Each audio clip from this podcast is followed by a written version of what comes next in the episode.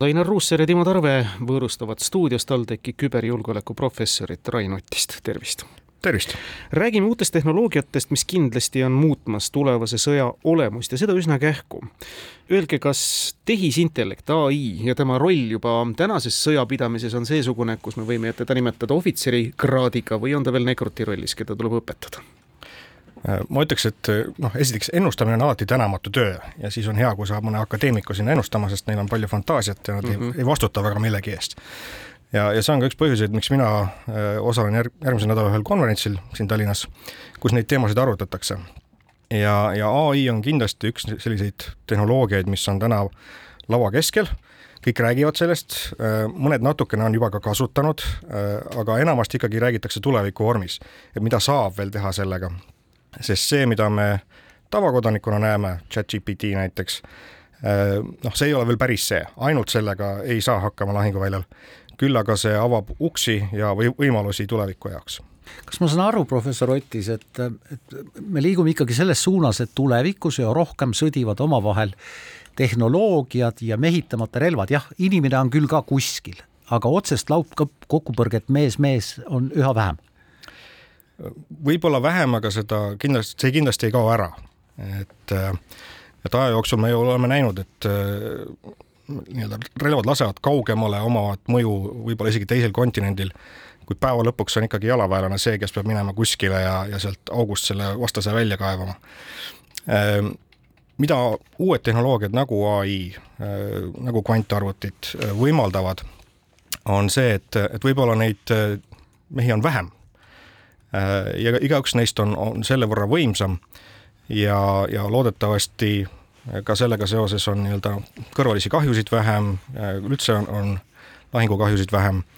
Ja ma ju, ma ei, ma kindlasti ei, ei luba, et, et sõda võib kunagi veretuks muutuda, aga nii-öelda kui selles osalevad ainult need, kes teadlikult seda, seda nii-öelda valinud on, siis noh, kahtlemata see on tsiviilpersonalile hea uudis. ja kui need relvad on, on võimelised ise targemalt valima, Äh, et, et nii-öelda vähendada neid kõrvalisi kahjusid, äh, siis ka see on kahtlemata positiivne äh, arengusuund, mille poole püüelda. kuid noh, me, me näeme tehnoloogia arengust, et me, me kunagi ei suuda seda nii-öelda sada protsenti saavutada ja, ja mida me teadlastena, inseneridena, sõjaväelastena tänapäeval arutame, ongi see, et mida need tehnoloogiad võimaldavad ja, ja mida sealt on mõistlik võtta. sest päris selge on, on see, et seal on kindlasti ka selliseid tehnoloogilisi võimalusi, mida me pigem ei tahaks kasutada.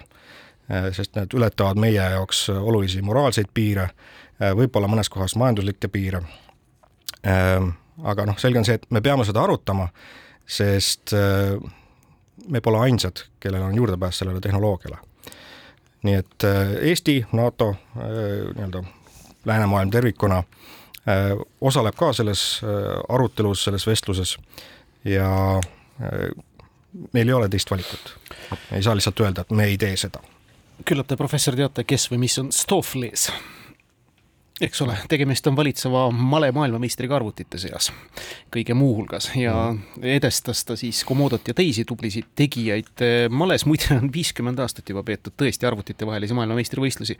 aga need suured tehnoloogilised muudatused, mida siis tõesti sõjapidamine tulevikus kaasa toob, näiteks kvantarvutid kaasata ühel hetkel Äh, jah, kvantarvutid kindlasti muudavad juba praegu natukene seda maailma tänu sellele, et äh, nii-öelda küberturbemaailm, kust mina tulen mm, -hmm. on põhimõtteliselt aktsepteerinud, et, et kvantarvuti äh, suht lähitulevikus noh, murrab ära päris mitmed täna igal pool kasutuses olevad krüptoalgoritmid.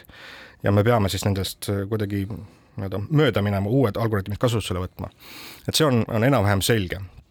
Äh, mis ei ole veel päris selge, on see, et kuivõrd kasulik saab ta olema äh, kvantside mõttes, et nii-öelda kas me kunagi jõuame nii, nii kaugele, et, et nii-öelda tavalises mobiiltelefonis on kvantside kanal püsti, seda mina ei oska öelda.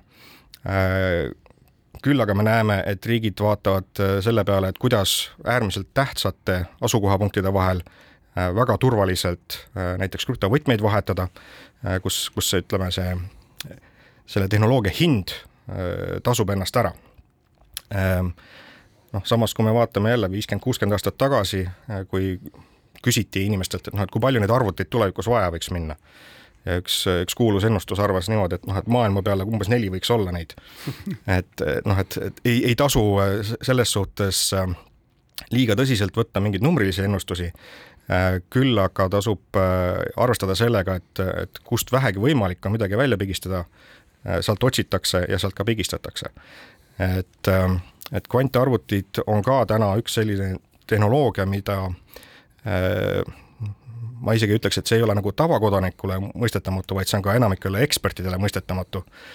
ja, ja sealt kindlasti tuleb mingisuguseid uusi ja huvitavaid kasutusjuhte nii tsiviiltarbes kui ütleme siis julgeoleku või, või ka sõjalise poole pealt. mis need täpselt olema saavad, me ei tea.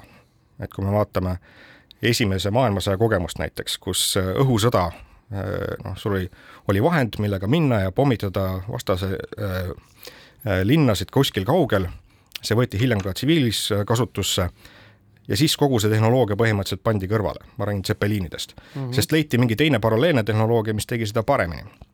nii et täna on keeruline öelda, et et milline tehnoloogia siis äh, tõesti lööb õitsele äh, ja, ja milline nii-öelda pannakse riiulile paremat aega ootama või lihtsalt ka kantakse maha, sest midagi muud ja paremat tuleb, tuleb välja ja, ja noh, see nimekiri noh, ongi natuke niisugune spektri moodi, et meil on asjad, mida me noh, väga suure tõenäosusega näeme lähiaastatel kiiresti arenemas, näiteks kõik, mis on droonidega seotud, sest noh, nad tõestavad ennast igapäevaselt äh, lahinguväljal.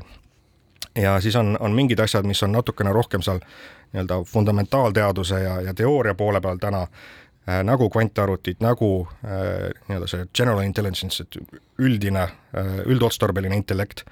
Malehintellekt on selles suhtes väga, väga lihtne, ta on spetsiifiliselt tehtud selle asja lahendamiseks, aga kui talle anta, anda nagu ülesanne kirjutada luuletus, siis seesama intellekt noh, kukub läbi väga-väga äh, nii-öelda selgelt. Öelge mulle väga lühidalt, äh, kas ma olen liiga naiivselt optimistlik, kas tsiviilohvrite arv selle tulevis, tuleviku tehnoloogia sõja ajal võiks nagu väheneda, kas see võiks olla üks eeldus? jah, eeldus küll. Lääne, lääne tehnoloogia nii-öelda arendajate poole pealt, see on kindlasti üks planeerimiseeldus, noh milleks seda üldse teha ja mis on nii-öelda noh, nii-öelda äh, üks põhjendus, miks saada ressurssi sinna. ja, ja laias laastus tegelikult võiks öelda, et see enam-vähem nii ka ju on, et, et jälle, et me, me kuuleme täna konfliktidest palju rohkem tänu meediale, aga kui vaadata nii-öelda statistikat, et kui palju on hukkujaid, äh, siis statistiliselt vähe aitäh teile, professor Rain Üti stuudiosse tulemast! aitäh!